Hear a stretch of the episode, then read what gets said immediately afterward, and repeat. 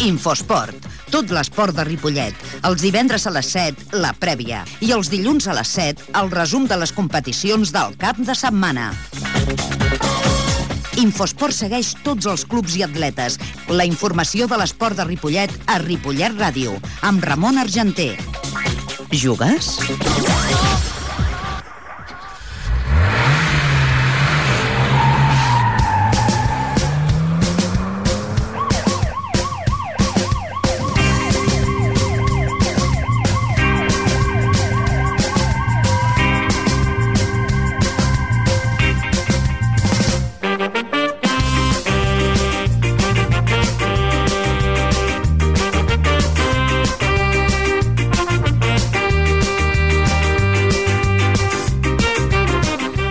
Tarda, estem a la sintonia del 1.3 de l'FM i com cada divendres començarem ja el programa d'Infosport del divendres, que és l'edició número 10. A les vistes so, Fran Jodiu, que us parla en Ramon Argentí. I avui tindrem, doncs, eh, a Jordi Muñoz, entrenador del Club de Futbol Ripollet, a Javi Varela, entrenador de la Penya Deportiva Pajaril, a Xesco, entrenador de la de Fut, a Antonio Estremera, entrenador també de futbol sala de Ripollet, a Ivan Beas, de l'equip de Can Clos, i també tindrem, doncs, dintre de l'esport base, avui, l'equip de patinatge artístic, amb l'entrenadora Ana Baeza, Noelia Padilla, Laura Rubio, Lídia Marró i Nerea Pérez, que són eh, patinadores del Club de Patinatge Artístic de Ripollet.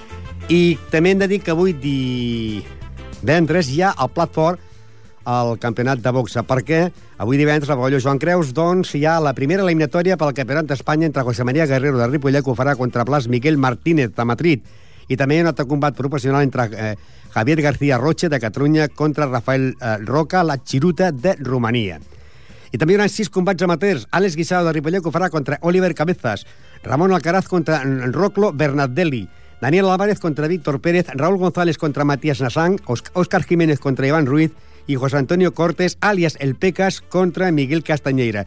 Els entrenadors, o sigui, el preparador físic del Club de Boxeo Ripollet, que prepara José María Guerrero i Àlex Guisado és Julián Cabeza. Al final també doncs eh, parlarem d'aquest combat de boxa. Però el que ara eh, ja sabeu que anem sempre doncs, com una materialeta, podríem dir, perquè tenim molta informació, i anem a recordar que el Ripollet la setmana passada doncs, guanyava en gol de Juan a 0-1 al camp del Premià i que el líder és l'Aigua Freda, que té 30 punts, l'Olot 25, el Ripollet en té 23 i en zona de directe Sant Hilari, Palau, Lloreda, Canovelles i Serranyola. Serranyola és precisament el rival que aquesta setmana ve aquí a Ripollet, un Serranyola que la setmana passada perdia a casa seva 0-2 davant del Mollet, un Serranyola que està en zona d'ascens directe i que vindrà aquí a Ripollet.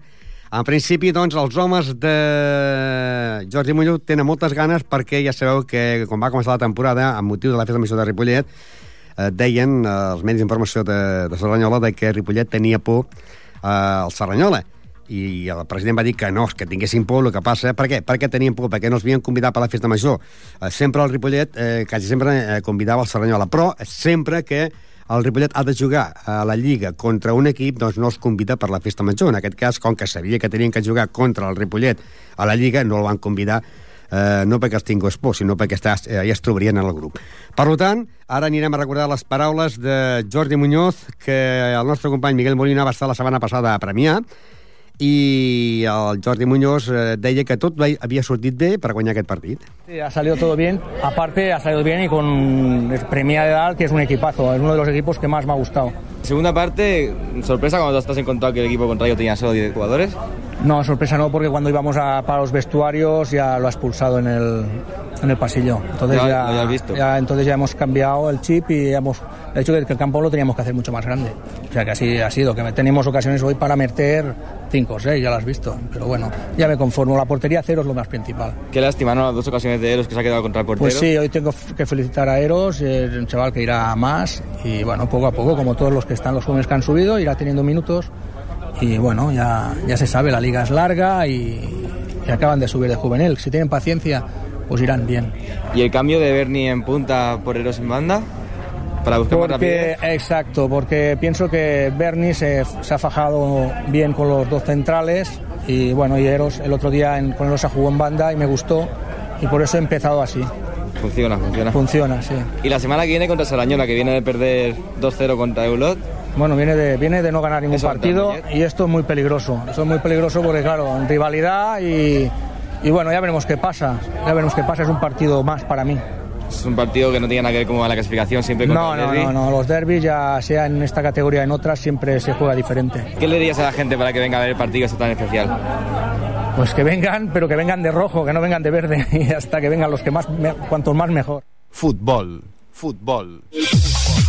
Doncs bé, aquesta setmana serà jornada número 11. El Palau de Palamans jugarà contra el Premià, el Mollet contra el Vilassar, el Palafrugell contra el Tona, el Canovelles contra l'Olot, el Salinari contra el Granollers, el Sant Feliu contra el Lloreda, el Vic contra el Farners, el Manresa contra l'Aigua Freda i el diumenge a les 12 en Ripollet, Cerdanyola. Recordem, Aigua Freda líder, 30 punts, Olot 25, Ripollet és tercer amb 23 i el Cerdanyola ocupa la, la plaça número 18 amb 3 punts i esperem que continuï tenint aquests 3 punts i això haurà, haurà dit que el Ripollet ha guanyat el partit, però això, això no ho sabrem fins al diumenge, cap allà a les dues, que és l'hora que acabarà el partit entre el Ripollet i el Cerdanyola. I també tenim, doncs, com no, la tercera territorial. Aquest cap de setmana, Júnior jugarà contra l'Esdila, el Santa Perpètua contra la de Fut i la Penya Partida Pajaril contra el Raureda. Anem a recordar les paraules també de a l'equip de la Penya Partida Pajaril, que la setmana passada la Penya Partida Pajaril, doncs, eh, guanyava eh, 0-2 al camp de la Fundació, en gols d'Alberto i d'Ismael, i que eh, aquesta setmana juga contra el Raureda. Un Raureda que depèn eh, quin dia sigui, juguen uns jugadors i depèn de quin dia juguen els altres. Si és di- dissabte juguen uns i si és diumenge juguen els altres, no? I per això li preguntàvem al Javi Varela, que aquesta setmana jugaran contra el Raureda, si coneixia o no els, els jugadors que han de jugar contra aquesta setmana contra ells. Sí, a veure, jo ja les he vist, ja els coneixia, no?, de l'any passat i de l'altre, i aquest any ja les he vist, amb aquest, amb aquest diumenge ha sigut el quart partit que les he vist, i veritablement eh, sembla una cosa així estranya, no?, però, però sí que és veritat que, que a fora porten com a mínim mig equip diferent i a casa juguen uns altres, perquè el vaig veure contra el júnior i guaita, no hi havia ni la meitat que vaig veure el, el dimecres, no? i amb dos partits enrere també va passar el mateix. I dic, bueno, pot ser, el que passa que el Rureda sempre és un equip complicat, raro, i bueno, encara que, que pensem en aquestes coses, el millor ve, ve a fora i ve amb, amb tot l'arsenal i disposat a emportar-se els tres punts, normal. El que passa, el que passi, vosaltres, vingui qui vingui del Raureda, sortireu doncs, a intentar que, que els tres punts es quedin aquí. Exactament, nosaltres no hem de pensar qui equip culpa, portaran i com ho faran, i no, nosaltres hem de pensar nosaltres mateixos, vingui qui vingui, jugui qui jugui, i confiar en el que nosaltres tenim i guanyar els tres punts, que és el, que a nosaltres ens interessa, no? Què et sembla si fem una quiniela dels tres equips de casa? Per exemple, eh, què li posaries tu al Júnior Esdila? Home, el Júnior Esdila, amb tot el respecte, m'agradaria que fos el, que fos envers, no? Però, però jo li posaria, li posaria l'1 al Júnior. I el Santa Perpètua a de fut? I aquí penso que mm, el, do, el doble no serveix, oi que no? El que vulguis. Mm, doncs has, de dir, posaria- o, has de dir un dos o, o X, un de sol. No, jo li posaria una, una X i un 2. I un 2, perquè el. Santa Perpètua tampoc no és...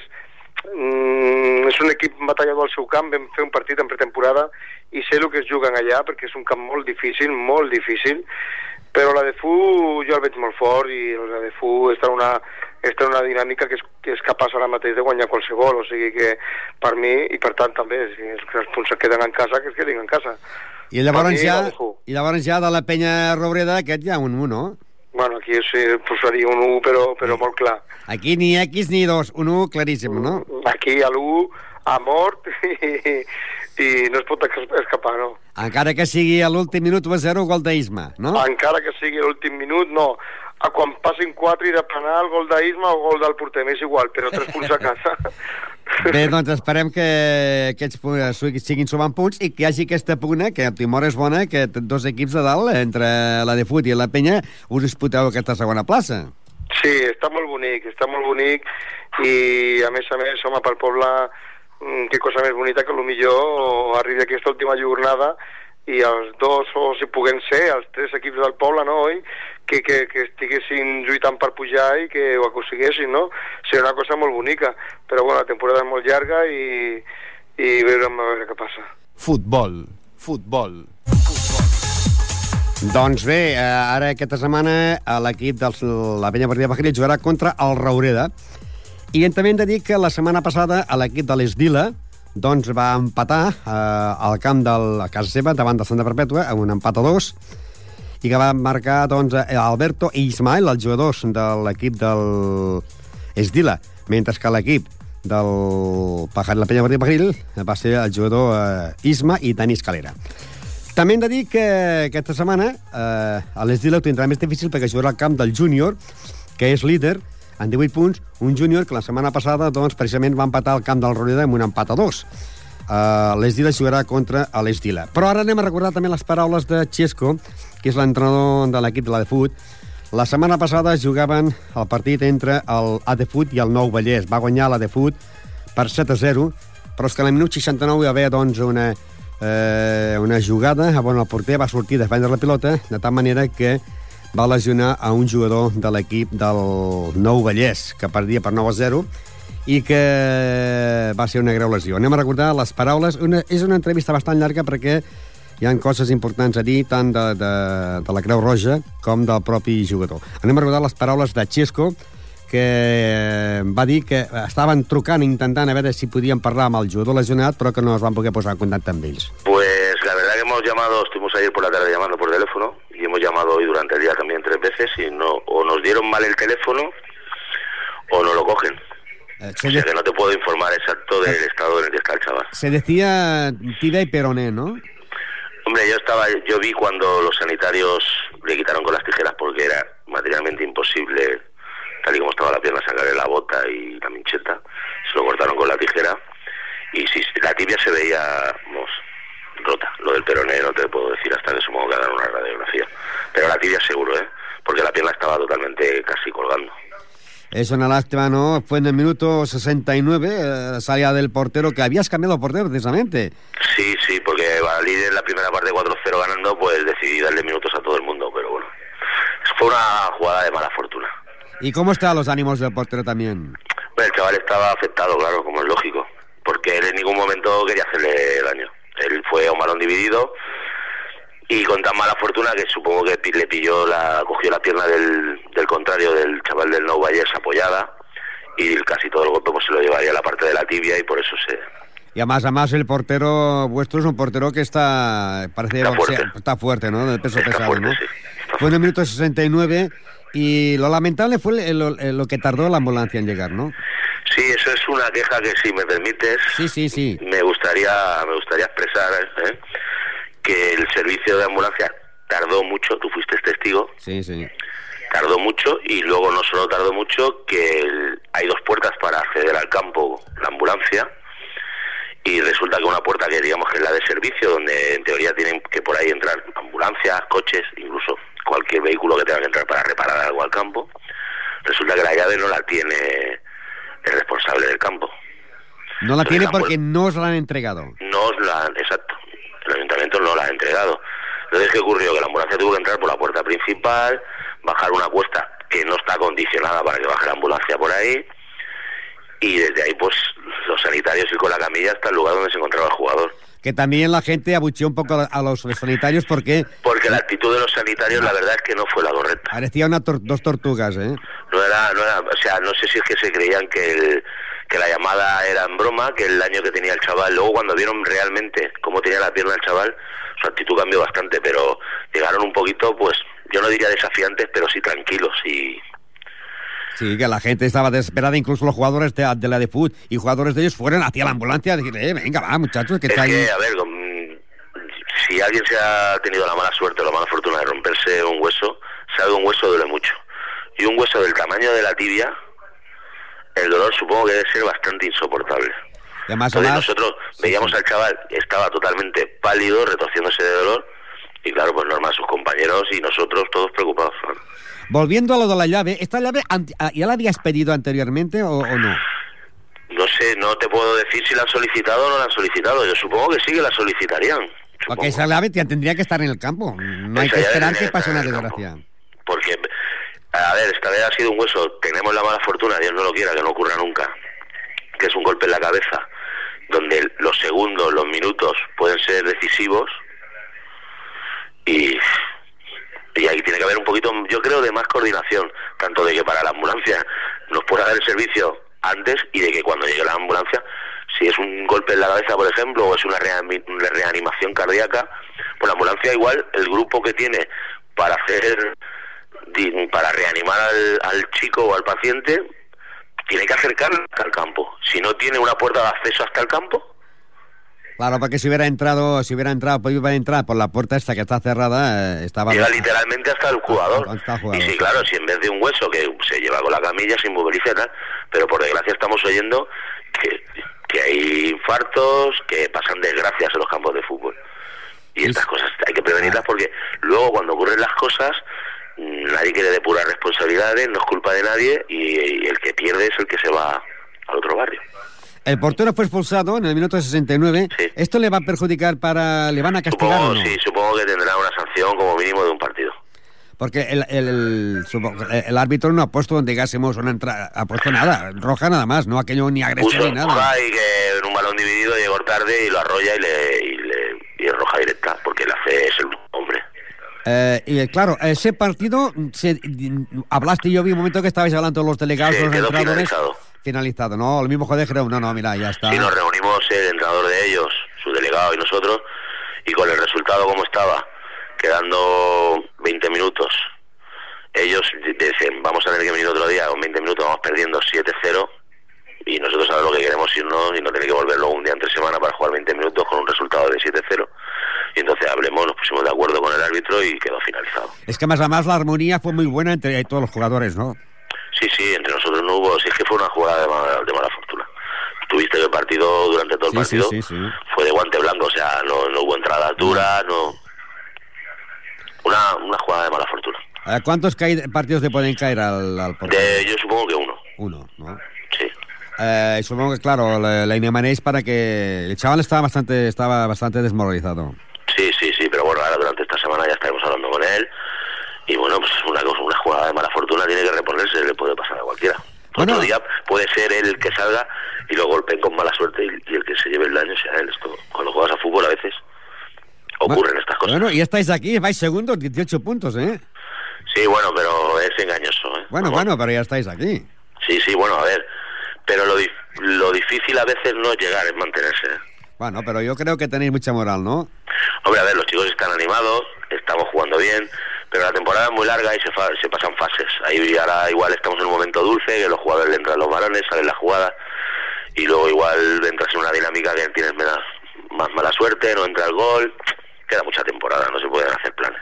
Partido Ahora, a partido. ahora acabamos de colgar a Javi Varela, que hemos hecho una quiniela entre los equipos de casa, y ha puesto al Junior Esdila un 1. ¿Qué le pondrías tú al Junior Esdila? Yo, sabiéndome mal, a ver, me gustaría que ganara el Dylan y que diera una sorpresa. Sería favorable para el Pajalil y para nosotros. Y aparte me une una amistad con el entrenador de, del Dylan, con, con Linares. Y yo pues, me gustaría que ganaran, pero lo veo difícil. Supongo que ganará Junior. Un empate ya mm, lo consideraría un buen resultado si consigue el Dylan un O empate. sea, que pones un empate, pero se- pones... mm, si fuera una quiniela para ganar millones sería el 1, ¿no? Sería el uno, sí. El empate es con el corazón. con la cabeza es el uno. Luego Javi ha puesto una Santa Perpetua de Foot, una X y un 2. ¿Y tú qué le pones? Un 2 a secas, ¿no? Hombre, yo siempre a mi equipo le pongo que gane. Luego, según cómo vaya el partido, igual el empate puede ser bueno. Y luego ha puesto él a su equipo, eh, Pajaril Roreda, un 1. ¿Tú qué le pones? Yo creo que aquí el Pajaril ganará. Si fuera en campo del Robreda, tendría mis mis reparos, ¿no? O sea, tendría mis dudas. Pero yo creo que aquí el Pajaril, el Pajaril gana. Eh, ¿Porras es el especialista en tirar los penaltis o qué? No, no lo. Porque es- también, también es, es- es, mm, difícil, ¿no? Que en pocos minutos te marquen, en el minuto 1 y el minuto 13, eh, te marquen, te, te piten penalti. A favor. Sí, sí, fue... A ver, los penaltis fueron claros, Sí, ¿eh? sí, pero me refiero a que a veces sabes que son claras y no te los pitan, ¿no? Pero hay veces sí, en esta categoría suele ser raro que te los piten. Los pitó el árbitro. La verdad que nosotros lo de los penaltis es una cosa que normalmente el que tiene confianza y lo pide tirar él, lo tira. No tenemos un especialista, claro.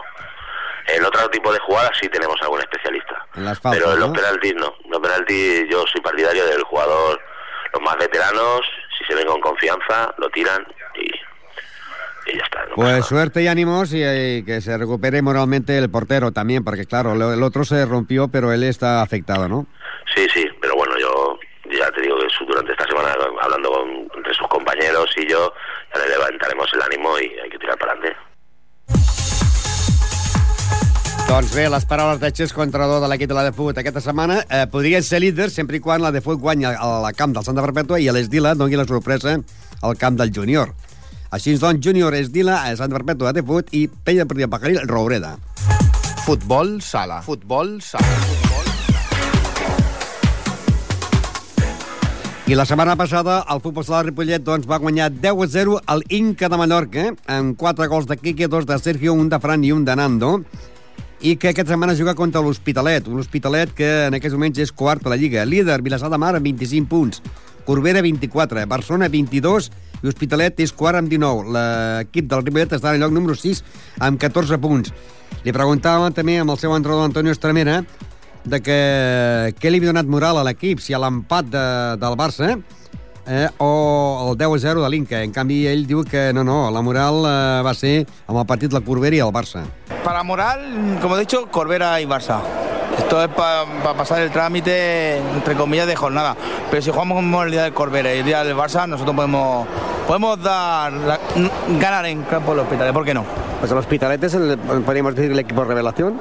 No, el Hospitalet tiene jugadores de, el Hospitalet viene de jugar dos- hace dos temporadas en División de Plata, tiene Xavi Olivera de Marfil, Mariano de Barça de División de Honor, tiene un eh, jugador de División de Plata y algunos de División de Honor, ¿eh? ¿Y el Barça ves candidato para quedar campeón o no? Corbera, Barça y Hospitalet. Esos tres. ¿Y al Ripollet dónde? Ripollet porque hemos tenido partidos malos, si no yo creo que entre los cinco primeros podemos estar tranquilamente. Y además se demuestran los dos partidos que hemos jugado contra el Barça y Corbera. Hoy cuatro goles de Quique. Cuatro con el Quique, bueno, a ver si se suelta, que es un jugador nato y que necesita, que hace falta para recuperarlo a este jugador. El que no acaba de destaparse es Juanito, ¿no? Mm, No es que no se trabe de destapar, porque el día de Corbera marcó dos goles muy precisos y el día de Barcelona marcó un golazo que es digno de un jugador de división, no, pero hoy el chaval no ha salido, no era el día para salir de las cosas y se ve que los equipos inferiores no hacen las cosas, pero Después de jugar la semana que viene contra el Hospitalet, ¿tenéis un calendario más flojo ya o no? No, porque nos toca equipos que están arriba en la misma posición que nosotros. La Unión es uno de ellos, Mm, no hay que fiarse. Y ahora que pasa el puente por aquí, vaya golazo también del puente, ¿no? A ver si tiene continuidad, pero le falta física todavía, ¿eh? Sí. Hacía días que no jugaba, ¿no? ¿Estaban lesionados o qué? No, eh, el problema es temas internos del club. El año que pasado dejó el equipo y tiene que ganarse el puesto como los demás. Futbol sala. Futbol sala. Doncs bé, el Ripollet va guanyar 10 a 0 a l'Inca i, com dèiem, el Ripollet és sisè amb 14 punts. Amb zona d'ascens directe, el Cacerres de Mallorca, el Gavà i l'Inca. I la sorpresa és per l'equip de la Unió de Santa Coloma de Gramenet, que és cinquè amb 16 punts, amb un Ripollet que és sisè amb 14. També es va jugar el partit entre l'equip de la segona categoria, o sigui, la categoria preferent, grup tercer, a veure, el futbol sala Ripollet va guanyar el camp del Santa Coloma de Cervelló per 2 a 6 amb gols de Carlos, de Javi, Marc Martí, Edgar i dos d'Isaac i que líder és el Sant Feliu, que ocupa la primera posició amb 19 punts, i el Ripollet ocupa la plaça número 5 amb 11 punts.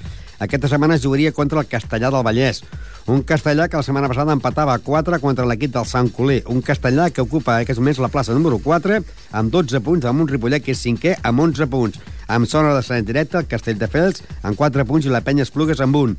El partit del Ripollet B de la categoria preferència jugarà aquest dissabte a partir de les 5, Ripollet B, Castellà del Vallès. I també es van jugar els partits corresponent a la primera divisió femenina, eh, on l'equip de la Can Clos doncs, va perdre. Es va jugar a la pista anexa perquè coincidien doncs, eh, molts, eh, quatre partits de futbol sala. El Can Clos B jugava contra l'equip de les Panteres, negre, Panteres Grogues, que no havien guanyat cap partit i que van, van guanyar aquí per 2 a 4. Els dos gols del Can Clos B els va marcar Bigonya i Carlota.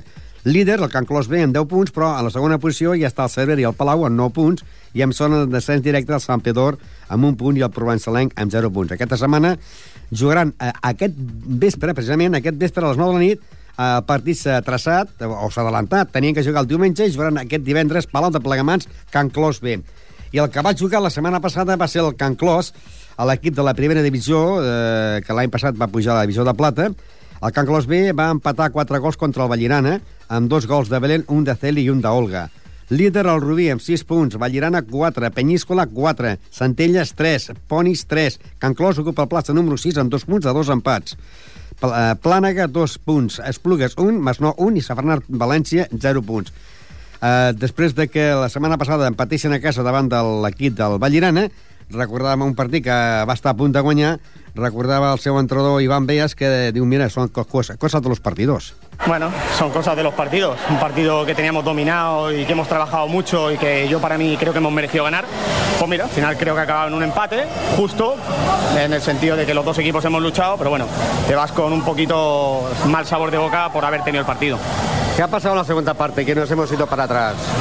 No es que nos hayamos ido para atrás, eh, estamos jugando contra el mejor equipo que hay en la categoría, con lo cual es un equipo que aprieta mucho, que tiene mucha calidad y a lo mejor inconscientemente nos hemos venido un poquito atrás y además al recibir el gol nada más empezar la segunda parte. El final, eh, resultado justo o no, 4-4. Bueno, eh, como acabas el resultado justo, por méritos de uno y otro, eh, las veces que entra la pelota a la portería es lo que cuenta. Yo es lo que te decía antes, me voy con un poquito mal sabor de boca por el tema de haber tenido el partido.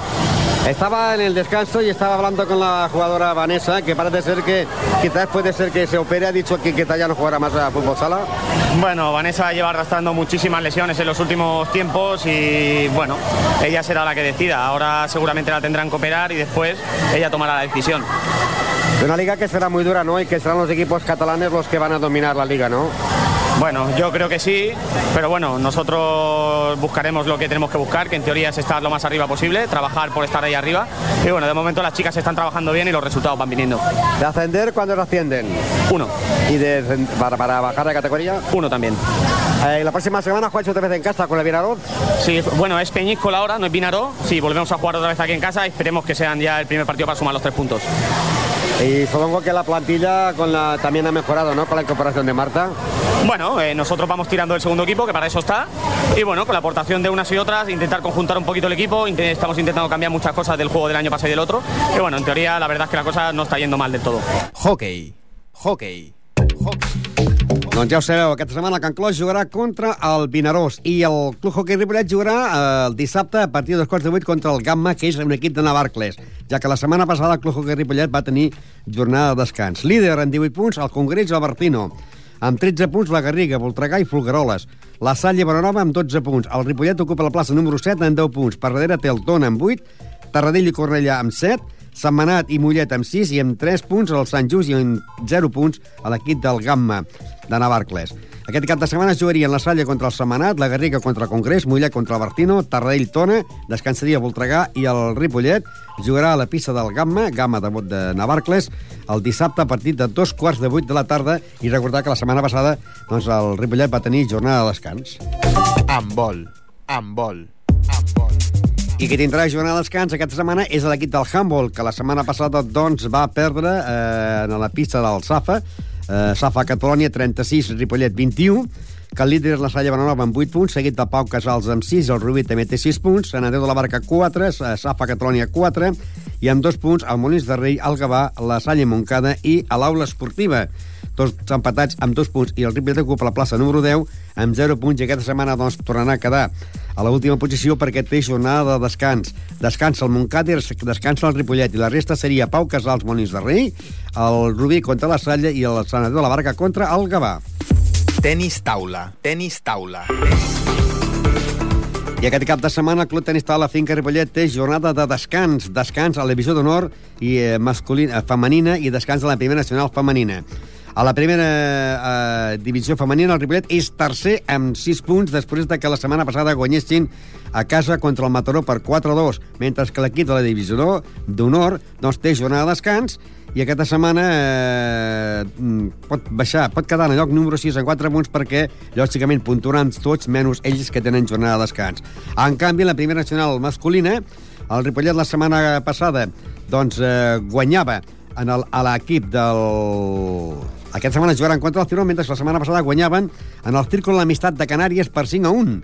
Líder l'Esparreguera, 12 punts, seguit del Círculo l'Amistat amb 8 i el Ripollet Verdolai al lloc número 3 amb 8 punts. I amb zona de descens, los, Llanos amb 2 punts i l'equip del defensa de l'Isla La Palma amb 0 punts. I aquesta setmana, el dissabte, a partir de les 5 de la tarda, en el Col·legi Montserrat de Cerdanyola, jugaria el Ripollet Verdolai contra el Tierbo de Sabadell. I pel que fa a la divisió eh, primera nacional femenina, en aquest cas la segona nacional femenina, hem de dir que el Ripollet Verdolà jugarà a, a la pista dels Amics de Terrassa, després de que la setmana passada perdés a Sabadell per 5 a 1. El líder és l'Olot i el Bàscara de Girona amb 10 punts i en el lloc número 10 el Ripollet amb 0 punts. Bàsquet. Bàsquet. I anem al món del bàsquet, perquè el Club Bàsquet Ripollet doncs, la setmana passada guanyaven el Sanatria per 92 a 72 i el, és cinquè a la Lliga amb 15 punts. I aquest cap de setmana el Club Bàsquet Ripollet jugarà el dissabte a partir de dos quarts de sis de tarda contra l'equip del Salt de Girona. Un Salt de Girona que la setmana passada perdia la pista al Sant Josep de Badalona per 73 a 66. Això és a la Copa Catalunya. I a la Copa Catalunya, tercera categoria, el Ripollet B va perdre a casa davant del badalonès Montigalà per 49 a 65 i que ocupa la plaça número 16 amb 9 punts, amb zona d'ascens directe. El líder és l'equip del Berga. El, aquest cap de setmana es jugarà també dissabte a partir de dos quarts de sis de tarda a Sallent, Sallent Ripollet B. Un Sallent que la setmana passada guanyaven a la pista del Castellà per 68 a 81. I aquesta setmana, aquesta setmana, doncs, eh, ja derbi dels equips de casa entre el Vell Gasó i el Gasó Caixa Girona. El Gasó Casa Girona, que la setmana passada guanyava per 71 a 64 al Montigalà Badalona, i el Santa Perpètua, que perdia casa davant del Lavell Gasó per 62 a 76. Líder Lavell Gasó amb 16 punts, i en el lloc número 5, amb un partit menys, el Gasó de Ripollet, Casa Girona, que ocupa la plaça número 7 amb 12 punts. I aquest cap de setmana, diumenge a partir de dos quarts de 10, la Vell Gasó Ripollet contra el Gasó Caixa Girona de Ripollet. I a continuació se jugarà el partit entre el bàsquet femení Ripollet contra el Llavaneres. Després de que el Ripollet femení perdés en la pista del Llinars per 45 a 35 i que ocupi la plaça número 12 de la competició, a l'últim de la Lliga amb 4 punts, però això sí, té 3 partits ajornats un eh, Llavaneres que vindrà aquí a Ripollet i que el Llavaneres va, va perdre a casa davant del Sant Olena de Ronstana per 50 a 55. Anem al món de l'atletisme ràpidament dient que la setmana passada es van disputar les 5 milles nocturnes de Serranyola i que Alberto Ramírez va ser segon amb una participació de 769 eh, concursants o participants. Eh, Quim Carlús va, va entrar en el lloc número 20, Carles Mor en el lloc número 28, Josep Gil en el lloc número 30 i Manel Mor en el lloc número 39 i eh, també es va disputar a Santa Colom de Farners a la categoria júnior masculí a Arnau Nadal. Va ser el guanyador amb un temps de 16.59 i en la categoria femenina la guanyadora va ser Sònia Manyes, estem parlant dels atletes del, del RUBA, amb un, primera també amb un temps de 17.35. I per cert, l'equip de la Unió Ripollet Atlètica, el Ripollet el, el RUA, aquest cap de setmana té una assemblea Eh, un any més es plau convidar-vos a l'assemblea extraordinària del club que es celebrarà el proper dia 21 de novembre del 2019 a la sala de reunions del Poliesportiu Municipal a les dos quarts de cinc de la tarda en la primera convocatòria i, si es cau, a les 17 al max el mateix dia a la segona convocatòria d'aquesta assemblea ordinària del Ripollet Unió Atlètica equip d'atletisme.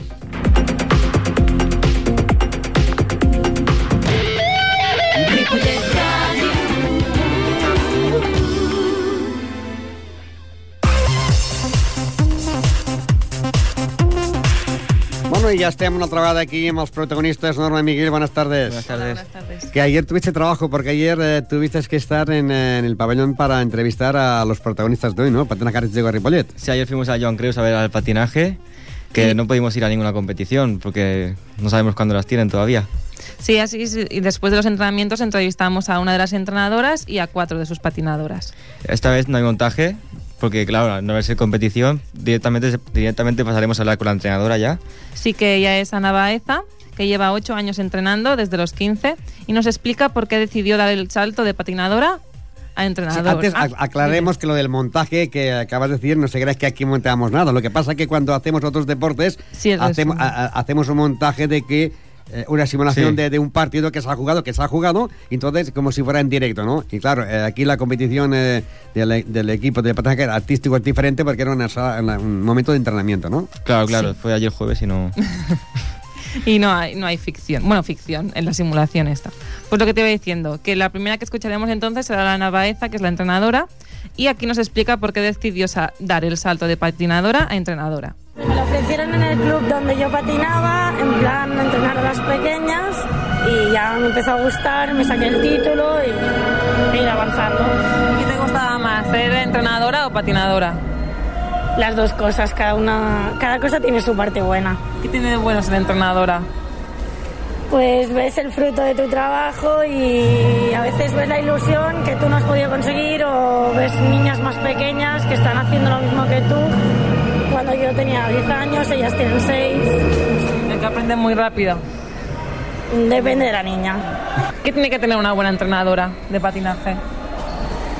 Pienso que ser un poco dura con según qué niñas, porque si no, no hay manera de hacerlas hacerlas continuar. y motivarlas un poquito porque es un, es un deporte muy sacrificado y es, es duro. Paciencia, Sí. ¿no? Y paciencia, sobre todo. con- bueno, eso es porque los niños, es típico. ¿Cómo divides a las niñas cuando las entrenas? Por niveles. ¿Qué niveles hay, por ejemplo? Hay iniciación C, iniciación B, A y certificados antes de pasar a categoría. Y bueno, antes están las de preiniciación, que son las que empiezan hasta que no tienen ningún nivel. Cuando ya tienen un nivel, ya es el iniciación C. Empiezas. ¿Y normalmente a qué edad empiezan a entrenar? Cuatro, cinco, más o menos. La edad ideal sería los cuatro o cinco años. Veo que hacen coreografías. ¿Te las inventas tú o te ayudan también las niñas? Eh, las monta, mayoritariamente las monta la entrenadora principal, que es Janet, o Diana o yo, la otra entrenadora. Cada nivel tiene su baile y cuando ya pasas a categoría, cada una tiene su baile propio. Más o menos cómo las entrenas, cómo es un día de entrenamiento. Primero hacen una hora de preparación física y luego hacen una hora de escuela y una hora de libre. Bueno, son las disciplinas del patinaje y depende, depende nos vamos organizando según las pistas, las niñas, los niveles y todo. Sí, he visto que hay muchas niñas patinando. Digo, no es... Digo, bueno, de momento no he visto ningún choque, pero... No, no, no, están acostumbradas.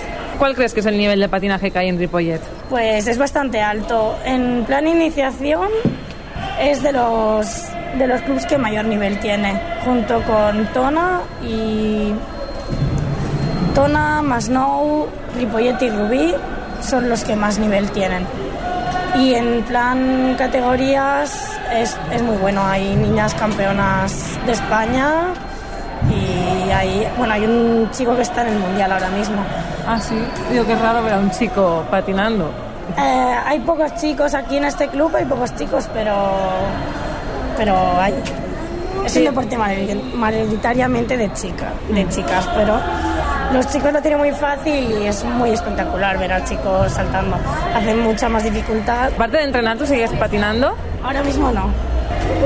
Bueno, estuve, estuve entrenando a las niñas y patinando al mismo tiempo durante cinco años. ¿Y cómo lo llevabas, patinar y entrenar? Era un poco estrés. Salía del colegio, iba a entrenar a las niñas, luego entrenaba tres horas cada día yo. Llegaba muy tarde a casa, pero bueno, si te gusta, lo haces. Te organizas y lo haces. ¿Ahora quieres seguir patinando o crees que ya te vas a dedicar solo al entrenamiento? En teoría querría seguir patinando si hubiera un club que por aquí cerca que hiciera show conjuncts, que es una disciplina del patinaje. Y en principio igual el año que viene se hace aquí, entonces seguiré patinando. ¿Y esa disciplina en qué consiste? Es una disciplina que consiste en coreografías de un grupo de personas y todas a la misma vez. No sé si lo habéis visto por la Como televisión. grupo, así. Sí, en grupo. Es un grupo, bueno, puede ser pequeño, hasta 12 creo que es, y el otro de más de 25 o hasta 25. Es muy espectacular. Y es una cosa que no, que no requiere mucha... mm, Sí, físico, pero por ejemplo todas las patinadoras que lo dejamos, que es por las rodillas o cosas así, pues no, no perjudica la salud, digamos. Que es como más suave. Sí, más suave. Un tanto salto. y- Sí, no, no, no causa tanto impacto en las rodillas, entonces, bueno, hay chicas que son madres que lo hacen, o sea, tampoco, hay que tener un buen físico, lógicamente, pero tampoco, tampoco exige mucho, mucho nivel. Y para acabar, ¿qué le dirías a las niñas para que se apuntaran a patinaje? No sé, es un deporte muy divertido, pero que tienen que tener una buena disciplina y, y muchas ganas de aprender, porque no, no es fácil, te caes y, y duele. Elsa Baeza, Nahom, expatinadora que ahora es entrenadora. Sí, y ahora quiere volver a hacer show conjunct, sí, eso. es un poco dif- difícil de pronunciar, pero está bien, tiene buena Y pinta. además, además tenemos eh, varios protagonistas, ¿no? Vamos con la primera. Sí, la siguiente es Noelia Padilla, que ayer no entrenaba, pero estaba por allí y como era de competición, la cogimos para entrevistarla. Esto nos contó que iba por niveles. Está primero primera estrella, luego segunda estrella, tercera estrella, certificado y competición, que es donde está ella. Y nos va a contar ahora que quién la animó a patinar. la entrenadora, porque siempre venía aquí a verlas. Y entonces me dijo que si me gustaba patinar y empecé. Te vio en la grada y al final acabaste en la pista, ¿no? Sí. Cuéntanos un poco cómo han ido estos años de eh, patinando. Bien. Pues entrenando y, haciendo y haciendo caso a la entrenadora. ¿Cuántas horas entrenas a la Tres. semana? ¿En qué competiciones has participado? En todas. Bueno, ya estoy en, en infantil, pero he pasado todas. Primera estrella, segunda estrella, tercera estrella, certificado y luego está competición. ¿Cuál crees que ha sido la mejor competición? Sí, una que fui a Horta y gané el primer premio. ¿Y en qué momento de la competición sientes más presión? Cuando voy a hacer un salto y no me sale. Cuando hay algún salto que no me sale, pues siento más presión porque sé que no me va a salir. ¿Y luego cuando lo repites vuelve a salir? A veces. ¿Qué, ¿Cuál es el salto? ¿Qué más, qué más complicado para ti? El doble salto, Explícanos un poco cómo es. pues tiene dos vueltas y bueno, se hace el simple, pero el simple solo tiene una vuelta. El que yo hago tiene dos. Y haces una coreografía ahora, ¿no? Sí. ¿Cuánto tiempo llevas ensayándola? Mm, llevo un año. Ya acaba la temporada ahora en diciembre, ¿no? Sí, ¿Y la tienes bien preparada? sí. ¿Tienes que volverla a exhibir otra vez? Sí, en junio. ¿Cada cuánto la cambiáis? Dos años. ¿Cuál es tu pirueta preferida? La baja, ¿En qué consiste? pues en bajar, o sea, bajar en cañón. ¿Cuál es la que más te ha costado? La ángel de derecho. ¿Esa en qué consiste? Pues en ponerse en ángel y dar vueltas. ¿Tu punto fuerte cuál es? Eh, los saltos simples. ¿Cómo compaginas tu vida con el patinaje? Hombre, si trabajo, pues bien, y si no trabajo, pues según cómo me vaya el día. ¿Tu ídolo en el patinaje? ¿Quién es? Ídolo, no sé. eh, algún italiano. Son mejores que el resto, los italianos. ¿En qué aspecto del patinaje has mejorado este último año? En las piruetas. ¿Y tu sueño en el patinaje cuál sería? Llegar al de España. ¿Crees que lo conseguirás? No sé, si trabajo, sí.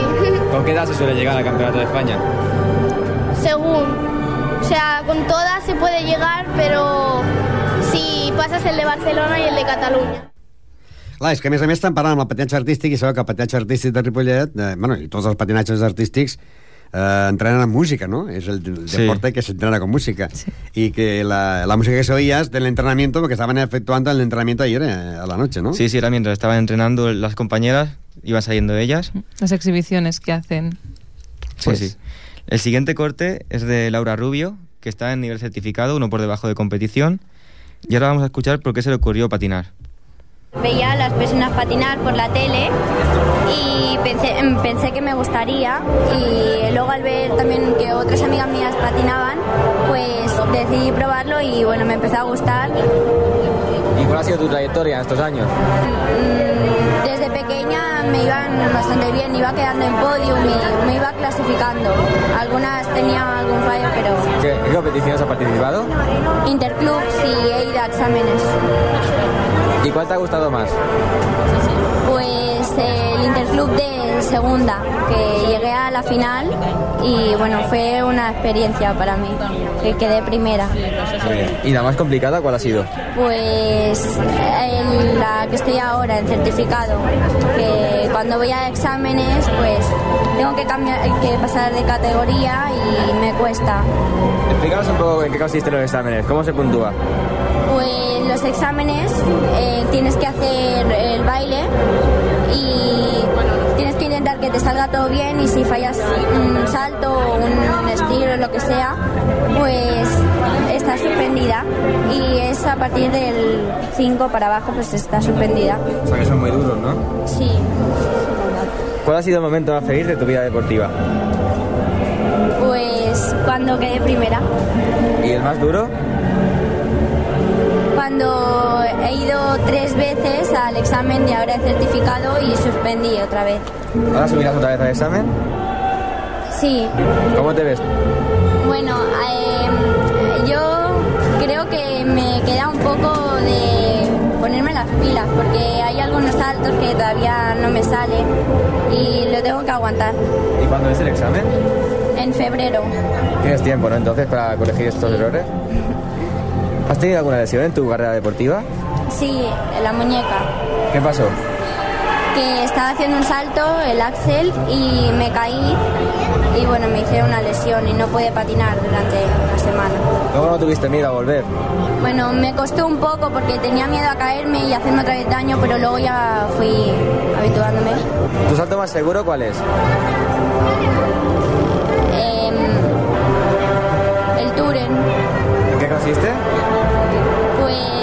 Tienes que lanzar la pierna izquierda y tienes que caer con la pierna derecha y aguantar la salida. Y ahora al revés, el más difícil, ¿cuál sería para ti? El axel. ¿En qué consiste este? Pues ese tienes que hacer una vuelta y media y bueno, tienes que hacer la entrada, que tienes que hacer como una especie de águila y luego saltar y bueno, una vuelta y media y hacer la salida. ¿Te lo piden en el examen este salto? Sí, en el de certificado sí. Laura Rubio, que dice, me tengo que poner las pilas, pero no se crea la gente que, que los patines van con pilas, ¿eh?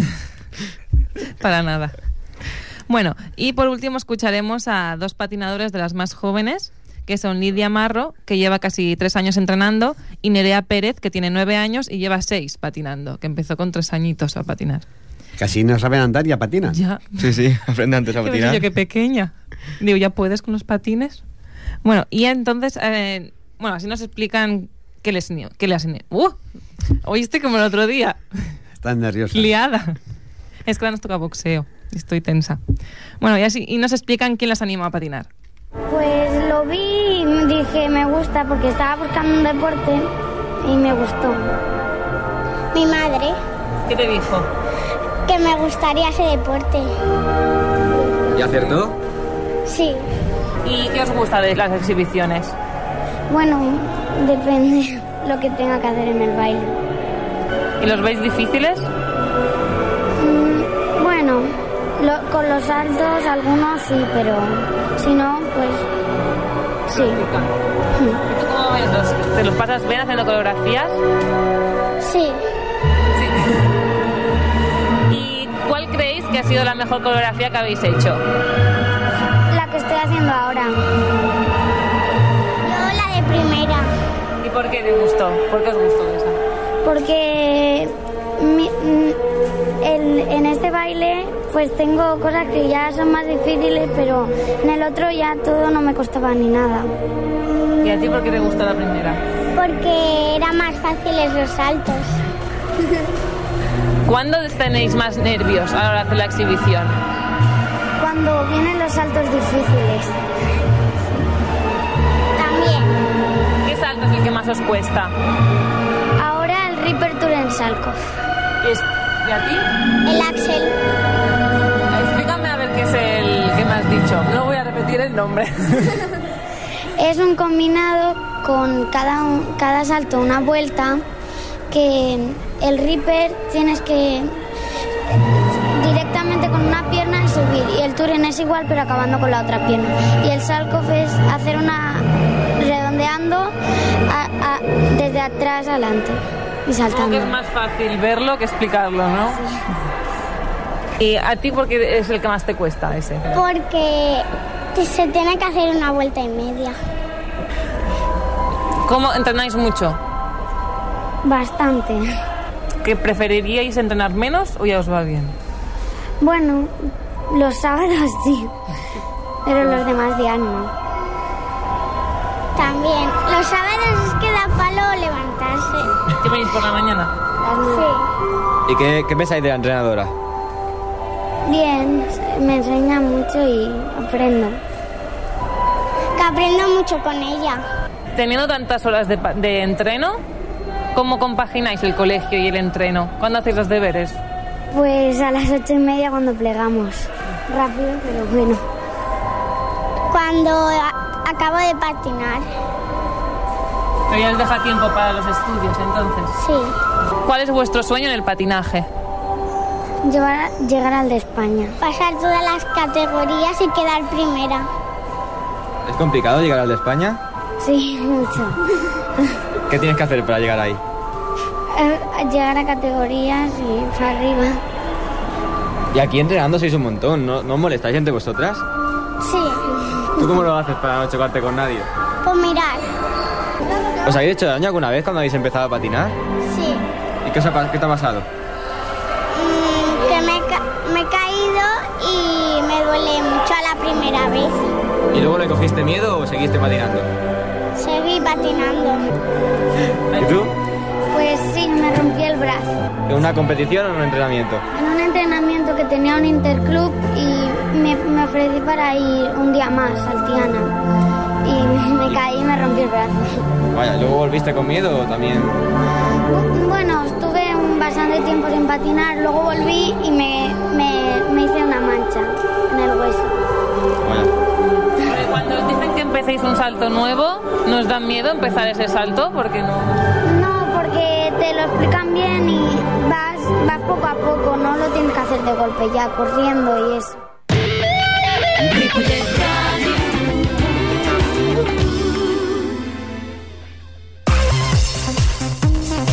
Escuchado a Nerea Pérez, ¿no? La más, esta es la más pequeñita, ¿no? La Nerea Pérez. Sí, esta solo tiene nueve años, desde los tres que empezó. De la más unido. joven. No Ahora- sé si será la más pequeña, pero una de las más pequeñas sí. A más a más, eh, si eh, está todo lo de, de patinaje artístico, nos quedaba también eh, balonmano, ¿no? Sí, que la semana pasada nos, nos quedamos un poco colgando, Sí. que no daba tiempo. Pues ahora vamos a, si no, a recordar los resultados de la jornada de la semana pasada, bueno, de esta jornada, que es el número 5. Y los resultados son Barcelona Sans 36, 21 Ripollet, que esta vez también ha perdido. 52 Gracia, 22 San Martí Adrianenc, Vilanova la Geltrú cua- 14, Barcelona 47, Sagrat Cor 31, Safa Horta 25, San Vicens 24, Esplugas 31 y el Tortosa que ha, descansado esta semana. Y la clasificación la lidera, lidera el Gracia, de Sabadell. Segundo, Safa Horta. Tercero, Sagrat Cor. Cuarto, Barcelona Sans. Quinto, Lycée Francés. Seis, Esplugas. Siete, Ripollet. Ocho, octavo, San Vicens. Noveno, San Martí. Décimo, Vilanova y la Geltrud. Y colista, Tortosa. Pero el Ripollet va séptimo con cuatro puntos, pero tiene un partido pendiente porque se impugnó, porque el equipo contrario no llevó las fichas federativas. Y a ver si lo arreglan y se ponen terceros con estos tres puntos. I el que sí, heu de saber que divendres que ve... Avui és divendres i els nostres companys Miguel eh, i Norma aniran al combat de boxa.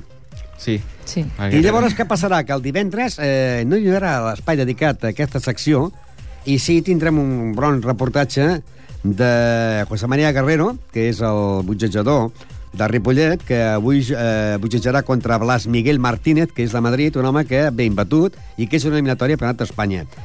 També entrevistaran a Alex Guisado, que és de Ripollet, el Club Seu Ripollet, i que farà contra Oliver Cabezas i també prepararà i també amb el preparador Julián Cabezas.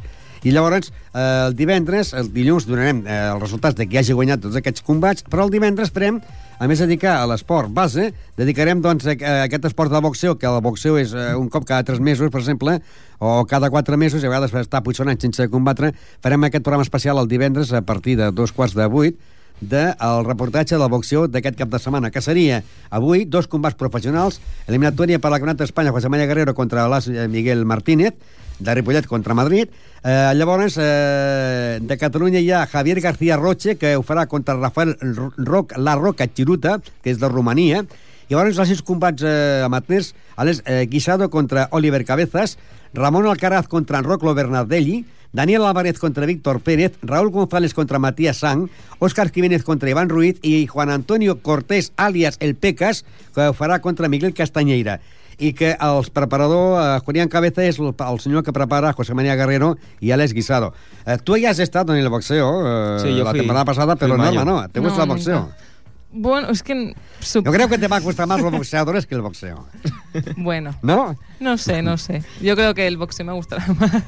Esperemos. Pues eh, ho sapigueu, doncs avui eh, Miguel i Norma, Norma i Miguel, estaran en el combat de boxa perquè, per tenir un bon reportatge divendres que ve d'aquests combats del Club Boxeo Ribet. Esperem que passi l'eliminatòria perquè José María Guerrero i Blas Miguel tendrán que luchar para la final de Campeonato de España, que esperemos que se haga aquí en Ripollet. Yo creo que sí, que ganará. Lo tiene difícil, pero... Hombre, tú estuviste el año pasado, te gustó el boxeo, no habías estado nunca, Nunca había en un estado combate, y la en verdad es combates que profesionales, ¿no? mucho- yo solo lo veía en la película de Rocky. pero me gustó mucho cuando fui a verlo en mayo. Pues això serà a partir del divendres que ve. Dilluns donem tots els resultats i recordeu que aquest programa del divendres també es passa el dissabte i que s'ha canviat l'horari, que abans era de 9 a 10, ara és de 10 a 11. Adéu-siau i que tinguin bon cap de setmana. Adéu. Buenas tardes.